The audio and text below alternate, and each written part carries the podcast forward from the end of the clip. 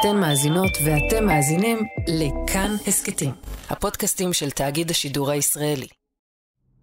היי, אתם ואתן אל חיות כיס, אני צליל אברהם. ואני אלון אמיצי.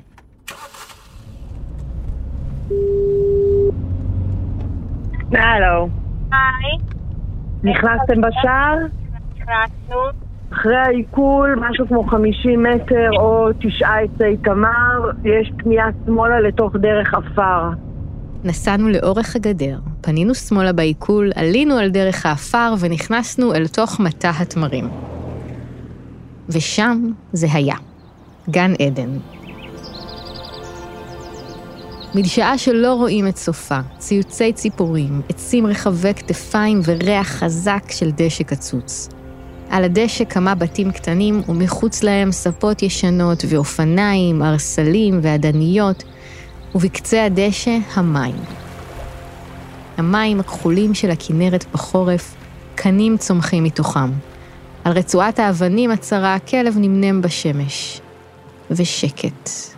קול של מים ושל ציפורים.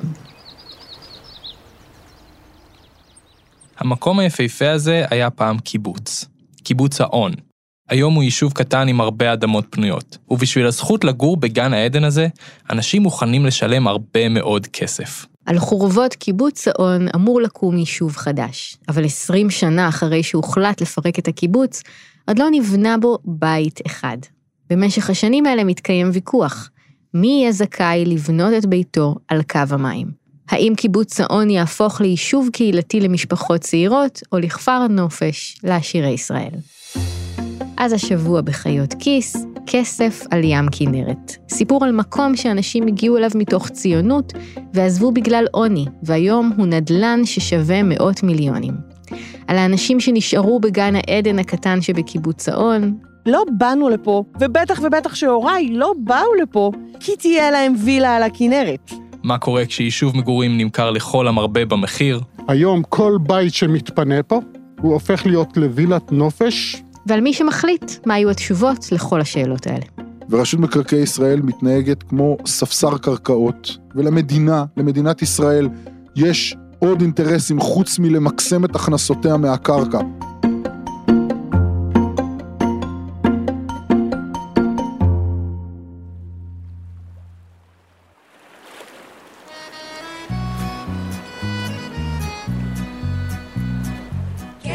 אתה יודע, אלון, כשהיינו שם על שפת הכנרת, נזכרתי שבשיר קסם על ים כנרת, יש את השורה "על גל הכסף ידי חותרת". על גל הכסף ידי חותרת. וחשבתי, חשבת, אין לך מושג על איזה גל של כסף את חותרת פה. לא, חשבתי שבאמת למים של הכנרת בחורף יש צבע כסוף, וכמה שזה יפה. מאוד. ממש במקום הזה, ליד המים היפים האלה, התחילה לפני 114 שנים, ב-1908, ההתיישבות הציונית בכנרת. ב-1908 הקימו פועלים שעלו לארץ ממזרח אירופה את כנרת המושבה ואת חוות כנרת. בחווה הוכשרו פועלים עבריים שעלו לארץ ממזרח אירופה, קבוצה שבין חבריה היו ברל כצנלסון ורחל המשוררת. מתוכה יצאו החלוצים שהקימו את גניה ואת קבוצת כנרת. אזור הכנרת היה מוקד התיישבות חשוב של התנועות הקיבוציות. אחרי דגניה וכנרת, לאורך שנות ה-20 וה-30 של המאה ה-20 נוסדו בית זרע, אפיקים, אשדות יעקב, גינוסר, מסדה ועוד. ב-1949, לאחר הסכם שביתת הנשק, סוריה התפנתה מהאדמות שבחלק המזרחי של הכנרת, והן הוכרזו כשטח מפורז, שלא היה ברור אם הוא צריך להיות ריק לגמרי, או שלאזרחים מותר לגור בו. לפני שמישהו הספיק לדון בסוגיה, שני גרעיני נחל של ניצולי שואה מפולין ומהונגריה עלו לקרקע והקימו את קיבוץ האון. הקיבוץ לא הצליח כמו שציפו.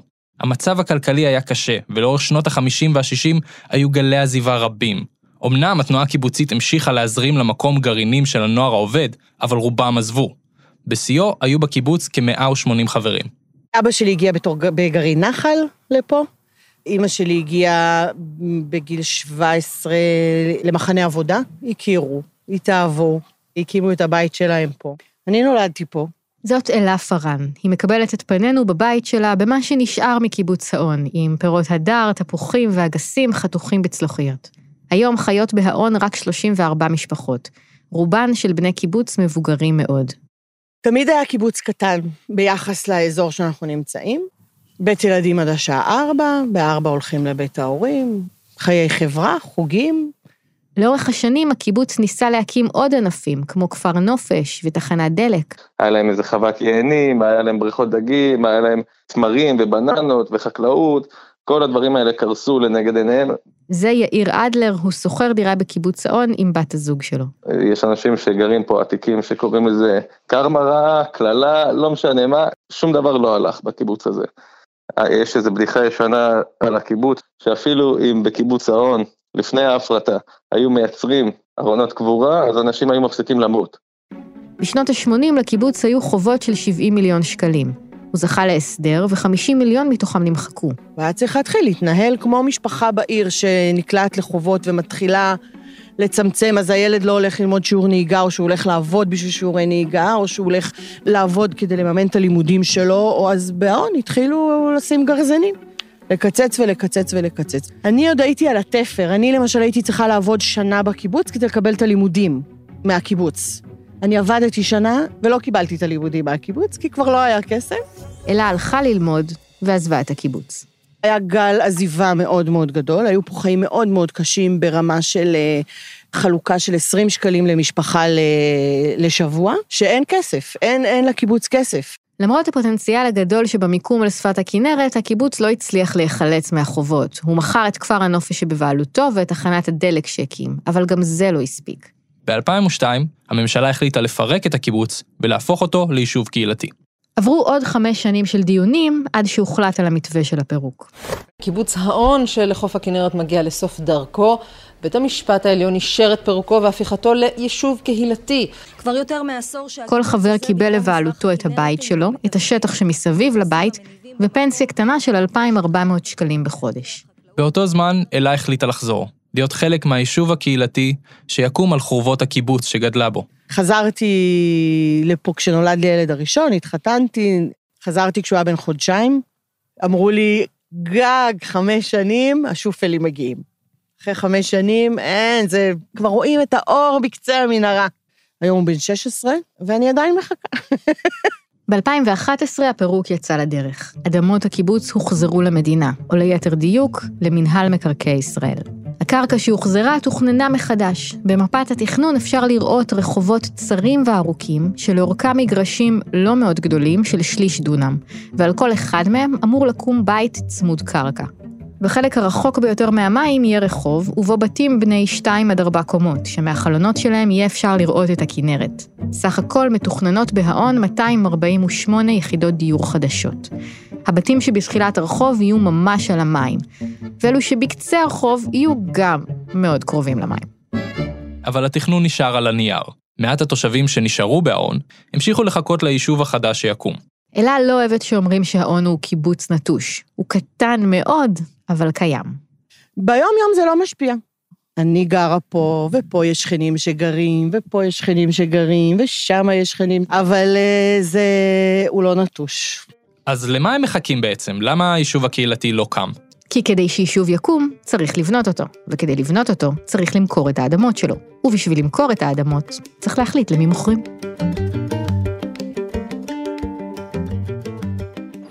אהלן. אתה איציק? כן. שלום, אני צליל. נעים מאוד. נעים מאוד. היי, אלון. אין לכם קורונה. זה איציק עוז, והוא ראש הוועד של כנרת המושבה. כדי לפגוש אותו אנחנו עוזבים את האון ונוסעים לאורך השפיץ הדרומי של הכנרת עד לחצר כנרת, שנמצאת בחלק הדרום-מערבי שלה. אותה חצר מפורסמת עם מבנים עשויי בזלת בני יותר ממאה שנה, שבה רחל המשוררת וברל כצנלסון למדו חקלאות. מכאן יצאו העולים החדשים שהגיעו לכאן מעלייה שנייה, להקים את ההתיישבות בעמק הירדן. זו הראשית. וכשמרימים את המבט מעל לחצר כנרת, רואים מעליה, במעלה ההר, את כנרת המושבה. אבל כנרת המושבה כבר לא נראית כמו שאתם חושבים כשאתם שומעים את המילה מושבה. על ההר מתנוססות וילות ענק עם בריכות שמשקיפות לכנרת. היום כל בית שמתפנה פה, הוא הופך להיות לווילת נופש, או לצורכי אה, תיירות, או דירות נופש של בעלי הון, שקונים פה מגרשים, בונים בתים עצומים, והם מגיעים לפה בסופי שבוע, חגים ובקיץ. אני רואה פה שלט, מתנהגים אחרת במושבה כנרת, חל איסור מוחלט על הפעלת מערכות הגברה וקריוקי. נכון. מה הבעיה שלנו?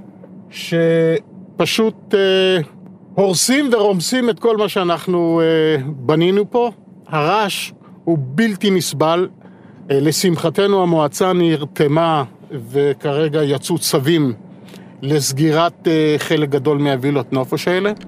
בחיפוש באתר Airbnb אפשר למצוא כרגע 20 בתים בכנרת המושבה. הווילות היקרות ביותר עולות יותר מ-10,000 שקלים ללילה אחד. המחירים של הבתים בכנרת כל כך עלו, שיש תושבים שלא עומדים בפיתוי. זה מאוד מפתה. פה מגרשים נמכרו ב-60 אלף שקל בזמנו. אה, כשהאדמה היום שווה כשני מיליון שקל, ובית שנבנה עם כל הגודל הזה שניים וחצי מיליון שקל או שלושה מיליון, ואתה מוכר בארבעה פלוס חמישה ושישה, ויש בית שנמכר פה ב-13 מיליון שקל, לא מזמן.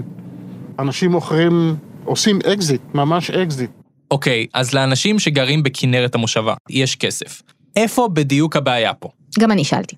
יישוב שלנו היום אין בו ילדים כמעט, לא נולדים תינוקות. אני יכול להגיד שבשנה האחרונה לא נולד פה תינוק, או בשנתיים. מה שקורה שהיישוב הזה הולך ומזדקן, ואם אנחנו רוצים קהילה, ואם אנחנו רוצים התיישבות בעמק הירדן ובמושבה, אנחנו צריכים לאפשר לזוגות צעירים לבוא ולחדש את המקום. הדבר הכי הכי קשה שקרה לי כשנכנסתי לתפקיד, שנאלצתי לסגור פעוטון. זה בנפשנו, אנחנו רוצים לראות ילדים פה, אנחנו גם רוצים התחדשות. אז מה אם המקום שלנו יפה? יש לנו את הזכות להשאיר מאחורינו יישוב, משגשג, עם קהילה אה, ועם עתיד. בלי ילדים אין עתיד. ומה שקרה בכנרת הוא בדיוק, אבל בדיוק, מה שחוששים התושבים שיקרה בהאון.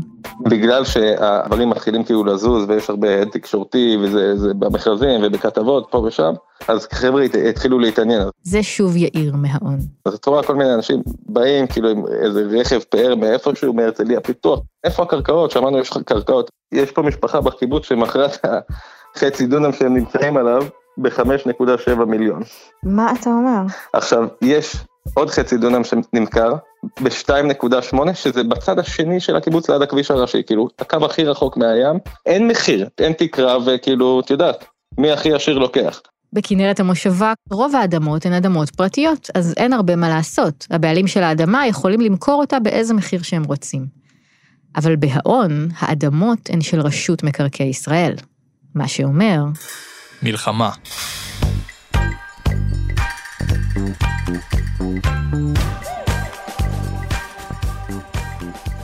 החמ"ל של המלחמה נמצא במשרד של עידן גרינבאום. טוב, אם אתה מוכן, אז אתה יכול להחזיק את זה. רגע, אוי, שלא יהיה פה תאונות קפה.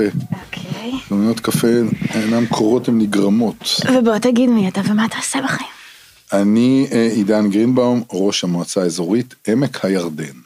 במועצה האזורית עמק הירדן 22 יישובים, מתוכם 17 קיבוצים. האון הוא הקטן שבהם. החזון שלי הוא חד וברור, הוא אומר שבהאון צריך לקום יישוב קהילתי על שפת הכנרת, עם משפחות צעירות יותר ופחות שרוצות לחיות את חייהן כאן בעמק, אה, שרוצות לחנך פה את ילדיהן, שרוצות לעבוד כאן באזור, אולי להקים את עסקיהן פה באזור, ולהשתלב במרקם החיים כאן. מאוד, אה, מאוד ברור. רשות מקרקעי ישראל היא זו שמוכרת את האדמות בסופו של דבר, והמטרה שלה היא לקבל תמורתן כמה שיותר כסף. אבל גרינבאום ותושבי עמק הירדן צריכים משהו אחר. הם צריכים אנשים. אם מסתכלים מסביב לכנרת, או על המרקם של עמק הירדן, ש, שאנחנו נמצאים בטבורו, הרוב פה זה קיבוצים, ולא כולם רוצים לחיות uh, בקיבוצים. יש לא מעט אנשים שרוצים לגור ביישובים קהילתיים, והסיפור של ההון זה האופציה היחידה ליישוב קהילתי שנמצא כאן uh, באזור הזה. אחד המקומות שבהם המחסור במקומות מגורים כאלה מורגש, הוא בית החולים פוריה. זה דוקטור ארז און. קוראים לו און.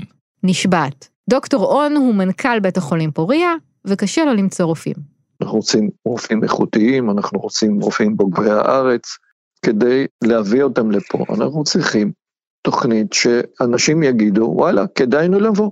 כדאי לי להיפרד מהמרכז, כדאי לי להפסיד את המרפאה הפרטית שלי ולעבור לצפון, לצורך העניין לבית חולים פוריה, גם כלכלית, אבל, ופה מתחבר למה שאנחנו אומרים, בסוף כסף זה דבר חשוב, אבל זה לא הכל. דוקטור ארז און מסביר שגם כשהוא מוצא רופא שרוצה להגיע מהמרכז או מחו"ל לפוריה, לרופא הזה מאוד קשה למצוא איפה לגור באזור. מי שעובר בייחוד במקומות מרוחקים, הוא מחפש את האיכות החיים, הוא מחפש את הבית, אה, שלא יהיה יקר מדי, הוא מחפש את האלטרנטיבה. כי אנשים רוצים שינוי, הם לא רוצים מתל אביב לעבור בלי, בלי חלילה, כן, זה לא שאני אה, לא מתייג. אם הוא כבר עושה שינוי, אז הוא לא רוצה לעבור לנצרת, הוא לא רוצה לעבור לטבריה, לא לצפת ולא קריית שמונה, הוא רוצה כבר, אם כבר, לאיזשהו יישוב קהילתי, שיש בו חיי קהילה אה, וחברה עשירים.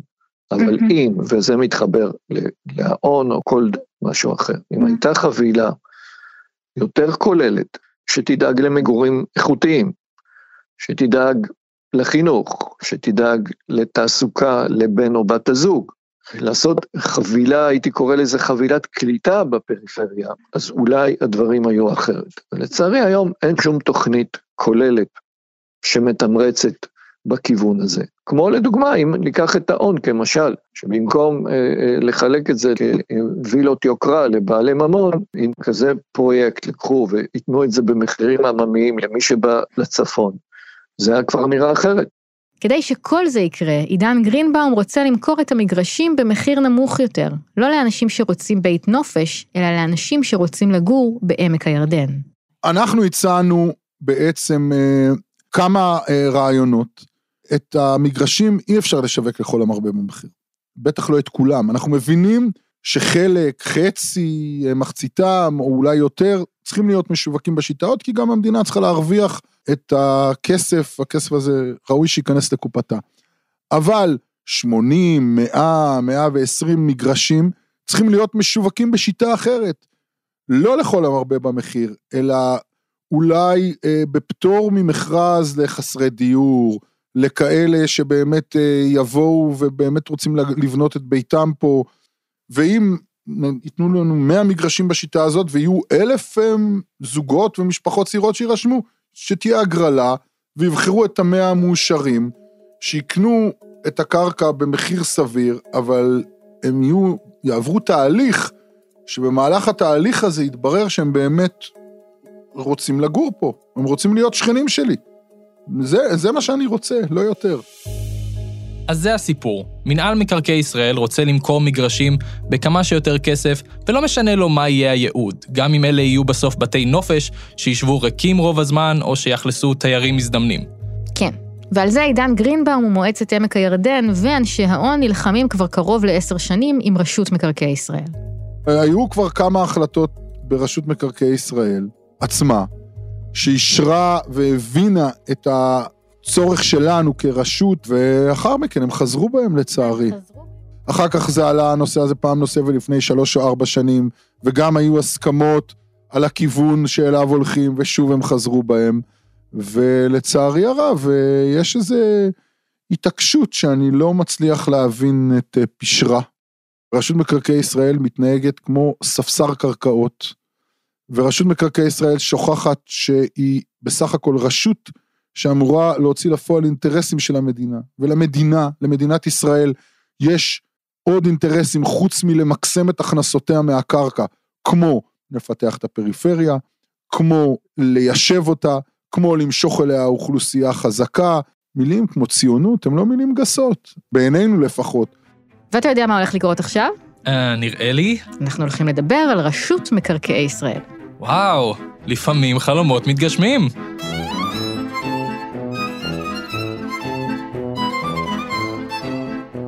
זה הקטע שבו אנחנו אמורים לראיין את מנכ"ל רשות מקרקעי ישראל, או בכיר אחר, אבל הרשות שמחזיקה ב-93% מהאדמות בארץ, לא חושבת שהיא צריכה לתת הסברים לתושבים שלה, אז אנחנו נעשה את זה בלעדיה. הראית להם מה זה. במדינת ישראל כמעט כל הקרקעות, 93 הן בבעלות המדינה. זה נשמע לנו כמו דבר נורמלי, אבל זה לא. אנחנו כמעט המדינה היחידה ב-OECD, שבה המדינה אחראית כמעט על כל הקרקעות, על התכנון ועל השיווק שלהן. רק הרשות יכולה לשווק אותן. אגב, לשווק, לא למכור, כי אסור למכור אדמות מדינה. המינהל מחכיר אותן, בעצם משכיר אותן ל-200 שנה. איך הוא עושה את זה? בשנים האחרונות הוא עושה את זה בעזרת מכרזי מינימום. השמאי הממשלתי קובע מה הערך המינימלי של הקרקע, מתפרסם מכרז, והיזמים מתחרים ביניהם מי ישלם יותר. מי שמציע את ההצעה הכי גבוהה, זוכה. זה נשמע כמו משהו שממש מעלה את מחירי הדיור. או, עכשיו לכאורה זה מאוד הגיוני, כי הקרקע הזאת היא רכוש של המדינה. ההכנסות מהשיווק הן חלק מהכנסות המדינה, כלומר הן של כולנו. אז צריך לשווק אותה במחיר המלא שלה, לשווק אותה בכמה שהיא שווה. בשנה שעברה, רמ"י, רשות מקרקעי ישראל, שיווקה יותר מ-100 אלף דירות והכניסה לקופת המדינה כ-20 מיליארד שקל, זה המון כסף.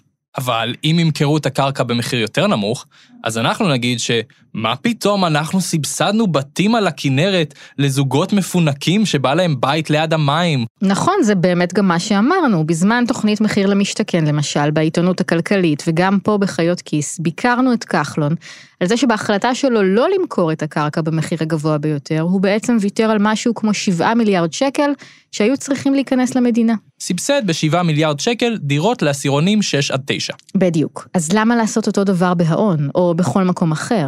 מצד שני, עכשיו אנחנו בתקופה, תקופה זה כבר כל חיי הבוגרים, התקופה הזאת, של מחירי דיור מטורפים. המדינה מנסה להעלות כל מיני מיסים, לעשות דיור במחיר מופחת, שכירות לטווח ארוך, כל מיני דברים. אבל ברוב המקרים היא עדיין מוכרת את הקרקע במחיר הכי גבוה שאפשר להשיג. הדבר המדהים הוא שברפורמה שהפכה את המינהל לרשות ב-2013 נקבעו מחדש גם היעדים שלה, והיעדים שלה הם לא להכניס למדינה כמה שיותר כסף. בדוח ועדת גדיש, הוועדה שגיבשה את ההצעה לרפורמה, נכתב שקרקע אינה מקור להכנסות המדינה, אלא משאב לאומי לפיתוח ולקידום יעדי הממשלה. ויעדי הממשלה, אם אני לא טועה, הם לא רק להרוויח כמה שיותר כסף לקופת המדינה, אלא גם לפתח את הפריפריה. נכון, שרת הפנים אפילו הכריזה לא מזמן, בניגוד לדעות של כל אנשי התכנון, על הקמת יישובים חדשים בגולן בשם הציונות. וכאן יש יישוב חדש שרוצה לקום מאוד מאוד קרוב לגולן, אבל עכשיו אנחנו פתאום לא רוצים לפתח את הפריפריה, עכשיו אנחנו רוצים כסף. ויש לממשלה עוד יעדים, למשל, לבלום את עליית מחירי הדיור. אז יש ויכוח מאוד סוער על האם שיטת המכרזים של רמ"י, רשות מקרקעי ישראל, מעלה את מחירי הדיור או לא. על פניו זה נשמע מאוד הגיוני שכן, ברמ"י טוענים שלא. במחקר שערכה פרופסור רחל אלתרמן במוסד שמואל נאמן, היא בדקה מכרזים של רמ"י לאורך הרבה שנים, וניסתה להבין דרך ניתוח סטטיסטי, האם הרשות גרמה לעליית מחירים. התשובה שלה היא לא חד משמעית. דוח של בנק ישראל מהשנה שעברה קבע שרמ"י תורמת לעליית מחירי הדיור, לא בגלל המכרזים, אלא כי היא לא משווקת מספיק דירות, וחלק מאלה שהיא כן משווקת הן דירות שבעצם אי אפשר עדיין לבנות בגלל כל מיני חסמים. ברמ"י ענו שבנק ישראל צריכים להסתכל על עצמם, כי הם אלה שאחראים על עליית מחירי הדיור, הם קובעים את הריבית. איך אני אוהב ריב טוב בין מוסדות מדינה, זה באמת פרייסלס. אני מניח אבל שלרשות מקרקעי ישראל יש נקודת מבט אחרת על הסיפור הזה. אז כמו שאמרתי, ביקשתי כמה פעמים, הם לא רצו להסביר לי, אבל הם טענו בעבר שמה שקיבוץ האון והמועצה האזורית עמק הירדן באמת רוצים, זה בעצם למכור את הקרקע למקורבים, ושאם המחיר יהיה נמוך, אז הם ידאגו דרך ועדות קבלה או בדרך אחרת, שמי שיקנה את הבתים הם בני קיבוץ האון או תושבי האזור. בהאון מתעקשים שמבחינתם המכירה תהיה פתוחה לכולם. אבל בעצם, גם אם זה יהיה במחיר גבוה או במחיר נמוך ופתוח לכולם, איך אפשר באמת לדעת מה יהיו הכוונות של הרוכשים? כלומר, גם זוגות צעירים יכולים לקנות דירה בזול בהאון, ואז יום למחרת להפוך אותה ל-Airbnb. יש דרך לפקח על זה? אז ברמ"י הציעו באיזשהו שלב פשרה שלפי המכרזים יהיו לכל המרבה במחיר, אבל עם ועדת קבלה. אבל בעמק הירדן חושבים שזה לא מספיק טוב, כי... ועדת קבלה היא לא אה, שולחת אנשים למכונת אמת, וועדת קבלה היא לא בוחנת כליות ולב, וועדת הקבלה לא יודעת אם אותו חבר שלי מתל אביב, מההייטק או מכל תעשייה אחרת מוצלחת, שיבוא לוועדת הקבלה ויאמר בוועדת הקבלה, חלומי הוא לגור על שפת הכנרת, לגדל את ילדיי באווירה כפרית. אה, ועדת הקבלה לא יודעת לשפוט את תואר כוונותיו. וגם אין דרך אחרי שאותו אדם יבנה את הבית, לא ועדת הקבלה, לא המועצה וגם לא רשות מקרקעי ישראל תשלח בלשים באישון לילה מדי ערב לדפוק על הדלתות של הבתים ותראה אם הילדים לבושים פיג'מה ואם הם באמת אכלו ארוחת ערב בבית והם באמת מתכוונים אה, אה, לשהות בו והם גרים בו. עידן צודק בנוגע לוועדת קבלה, היא לא יכולה באמת להיכנס למוח של המועמדים. אבל יש מקומות שעושים תהליך קצת יותר יסודי. בנטור שברמת הגולן, למשל, יש תקופת מועמדות של חצי שנה, בה הרוכשים העתידיים כבר גרים בקהילה בשכירות לפני שהם מקבלים את האישור הסופי. אפשר לשמוע על זה עוד בפרק 79 שלנו, מחוץ למרוץ. יש עוד דרכים להגדיל את הסיכוי שמי שקונה אכן יבוא לגור, כמו לתת עדיפות למי שכבר שוכר דירה במקום. אם אתה גר בעמק הירדן, עובד שם, והילדים שלך לומדים שם, כנראה שאתה באמת רוצה להשתקע שם, ולא רק להשכיר. אבל מבחינת רמי, זה לא על הפרק. רמי גם שלחו לי תגובה שבה הם כתבו שהמגרשים יימכרו במסגרת תוכנית מחיר מטרה, שזה לכאורה צעד בכיוון של מה שהמועצה רוצה. אבל הם לא פירטו איך ומתי זה יקרה, או מה יהיה המחיר, וגם במועצה אומרים שלא שמעו מהם כלום. בכל מקרה, תוכנית מחיר מטרה זו תוכנית שנותנת הנחה של 20% או 300 אלף שקל ממחיר השוק, הנמוך מביניהם. כשמדובר על מגרשים ששווים מיליוני שקלים, זה לא ממש משנה את התמונה.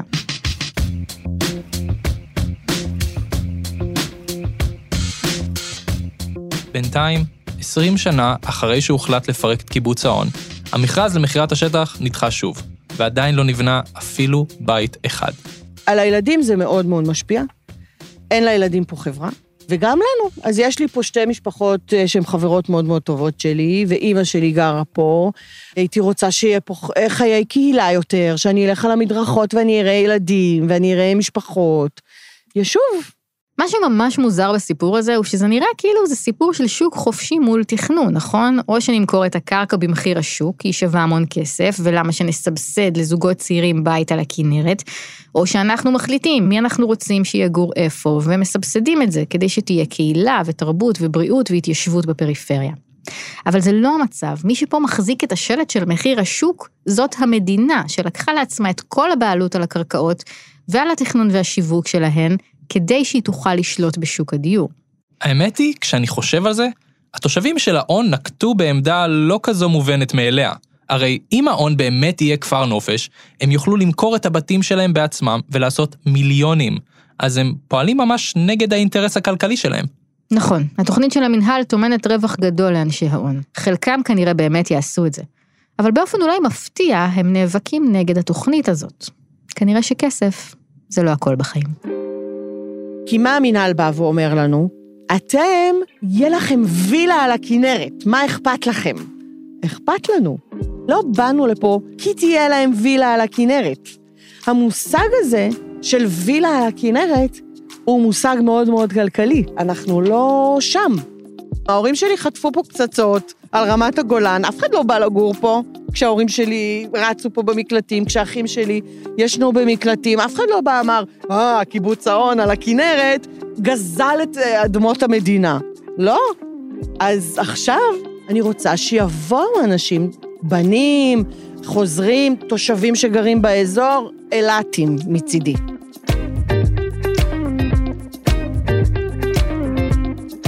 אנחנו חיות כיס, ההסכת הכלכלי של כאן. העורכת שלנו היא נועה בן הגיא, עורך הסאונד הוא אסף רפפורט, סייע בעריכת הסאונד נועם ברלכיס. בהכנת הפרק סייעה רים חנה. במערכת חיות כיס חבר גם שאול אמסטרדמסקי. אפשר להאזין לכל הפרקים שלנו בכל יישומון הסכתים ובאתר כאן.